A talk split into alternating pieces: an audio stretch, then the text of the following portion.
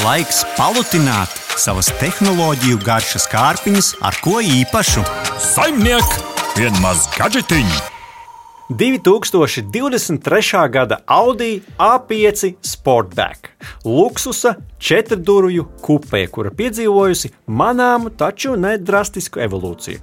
A5 līnija piedāvā pievilcīgu kombināciju starp stilu, jaudu un komfortu S-line izpildījumā. Ar ko tehnoloģiski izceļas 2023. gada versija? Noskaidrosim apskatā no tehnoloģiju dzīves stila entuziastu skatu punkta. Automašīnu neatkarīgam un neatmaksātam testa braucienam mums piešķīra Moller Baltic Import. Jā, un ar to arī gribās paturpināt par to uh, manāmo nedrastisko evolūciju, salīdzinot ar tiem iepriekšējiem modeļiem. Uh, es teiktu, ka tās aprises, kas iepriekš bija vairāk apaļākas, ir kļuvušas tādas asākas, ar izteiktā, tā, izteiktākām līnijām, un tas plūdenums, kas ir šai versijai, ir joprojām saglabājies. Um, kas ir būtiski un interesanti, ir, ka tam ir liels bagāžnieks, uh, taču tas ir zems, un tur ir tā plūdenā līnija, tajā kopējā dizaina fokusā fokusā izceļas.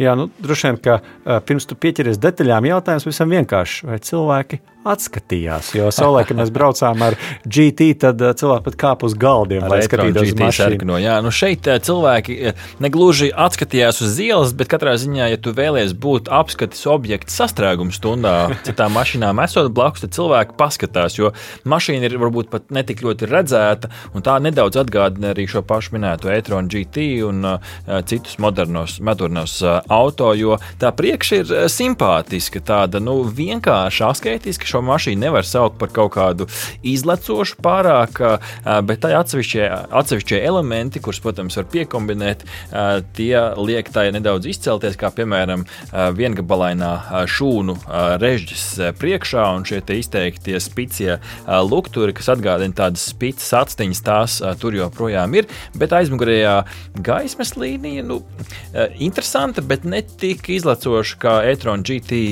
izpildījumā.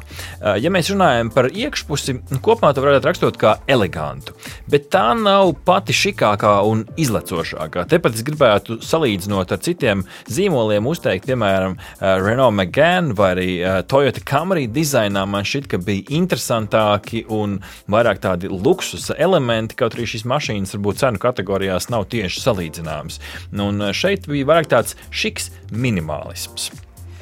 Nu, ja mēs turpinām ar uh, braukšanu, Tas jau ir vissvarīgākais, vai ne?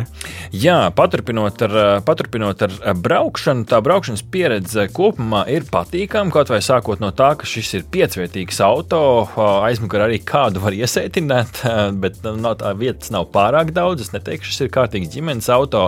Braukšanas pieredze palīdz arī šie sporta sēdekļi noteikti padarīt ērtāku, bet, ja mēs runājam tieši par pašu braukšanas pieredzi, mēs, protams, nepretendējam uz auto ekspertu viedokli. Šeit mēs mēs skatāmies vairāk no tāda uh, baudījuma viedokļa, bet kopumā tas ir zems auto. Tas ir labi un slikti. Labi tādā ziņā, ka uz līkumiem tu esi kontrolē, mašīna turas pie zemes, slikti, un to es saku no savas personīgās pieredzes, jo es ikdienā braukāju ar vecāku versiju šim, šim modelim. Uh, ziemā tu slīdi pa risām. Tātad, ja tu brauc pa kādu neiztīrītu pagalmu un šis sniegs piesalst, nu tad tu patiešām saraujies un tirpiņš skrien pār mugurkaulu, jo nu, tu skrāpē visu mašīnu mašīnas apakšu. Tas nozīmē, ka šī mašīna ir pilsētas auto vairāk un bezceļos braukt ir patiešām neprāts. Bet konkrētā versija bija 2 litru turbocharged 4 cilindru motors ar 204 zirgspēku jaudu. Tad nu, vidēji jaudīgs auto, kas savu, ar savu svaru strādā labi un tie uzrāvieni ir patīkami.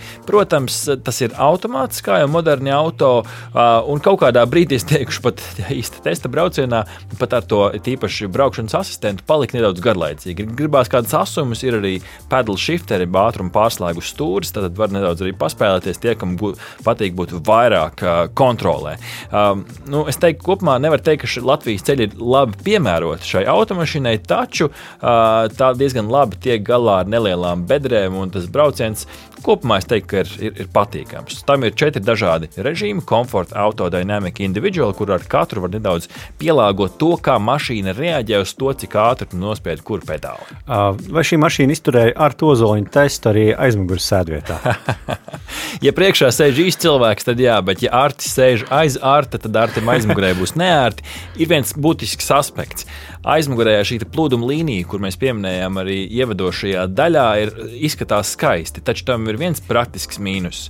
Ja ģimenē visi cilvēki ir pieauguši un gari cilvēki, tad garie pārbraucieni būs neērti. Jo paskaidrošu, šī zemā jumta līnija, kas aiziet tādā smukā, taisnā līnijā līdz pat bagāžniekam, no, no, nozīmē to, ka jumts arī ir nedaudz zemāks. Un, ja tur aizmugurē sasēžas it īpaši trīs cilvēki, tad tiem, kas sēž sānos, viņiem galva ir nedaudz jāsaliec uz vienu pusi, kā prāta vētras albuma attēlā, vētrai pūšot. Un tas ilg, ilgtermiņā nav ērti. Tas ir viens mīnus, ar ko ir jārēķinās. Taču, piemēram, nu, bērnu sēdeklīti vismaz vienu aizmugurē var ielikt ļoti ērti. Tā kā nu, mazām ģimenēm varētu pat iespējams būt, būt ērti. Jā, nu tu jau pieminēji, ka konkrētā versija bija labi nopakota, rāda sēdvietām, spīdīgi melnu alumīnija konsoli un tā tālāk, bet mums visiem interesē, kādas tehnoloģijas Jā, bija šajā mašīnā. To arī mēs skatījāmies visvairāk, un šis nebija bija tehnoloģija šedevrs, kas man nedaudz pārsteidza, jo cena ir patiešām iespaidīga. Protams, tam nu, nebija Toyota Mirai ūdeņraža unikalitāte zem pārsega vai Volkswagen ID bāzes super, super adaptīvais braukšanas asistents. Tādas standarta, modernas lietas tur ir. Braukšanas asistents ir. Tas nozīmē, ka tas ķer priekšā braucošo mašīnu, pātrinās un samazina ātrumu automātiski. Tātad, tātad adaptīvā kruīza kontrole. Strādā labi, un pie tam, salīdzinot ar citiem, kur var to uzteikt, ir, ka tā pati saprot, ka priekšā braucoša mašīna sāk braukt, un tev nekas nav jānospiež vai, vai jāpabīda, lai tā atsāktu braucienu. Ir ar citiem modeļiem redzēts, ka dažkārt ir vismaz poga vai, vai, vai pedālis jānospiež. Tā, to tā dara pati un dara labi. Uh, taču, nu, standarta lietas, joslas asistents, pagrieziena brīdinājumi, gaismas signāls, poguļos, tas viss tur iekšā ir. Nu, grūti bija atrast kaut ko tādu, kas teiktu, o, oh, tas ir kaut kas jauns, vai tas ir kaut kas iespaidīgs. Skaņas sistēma laba, bezvadu uzlādes panelis zem elkoņa ir, matriks LED lukturi, kas laikam prot, nav, nav visiem, un tas vēl joprojām ir jaunums, nozīmē to, ka tur visu laiku turēt automātiski ieslēgtas tālās gaismas, un uh, dat dators pats reāli laikā skenē un nosaka, ja pretī brauc mašīna, viņš to konkrēto gabaliņu tev iztumšo pārējo ceļu atstājot gaišu. Tas ir jauki, tas strādā, un tas patiešām strādāja tik labi, ka neviens man pretī braucošais tajās pāris dienās nemidžināja. Tagad tad, nu, reāli praktiski strādā. Tā, iespējams, ir tehnoloģiski tāda viena no interesantākajām, bet tur, kur man gribējās, nu, lai vismaz ņem tās ceļazīmes, lai vismaz ņem no GPS tos ātrumus, jo visādi citādi, ja es atstātu uz adaptīvo kruīzu kontroli, es dabūtu tik daudz radaru sodus, nu, ka neminēs. Jā. Kā ar parkošanos?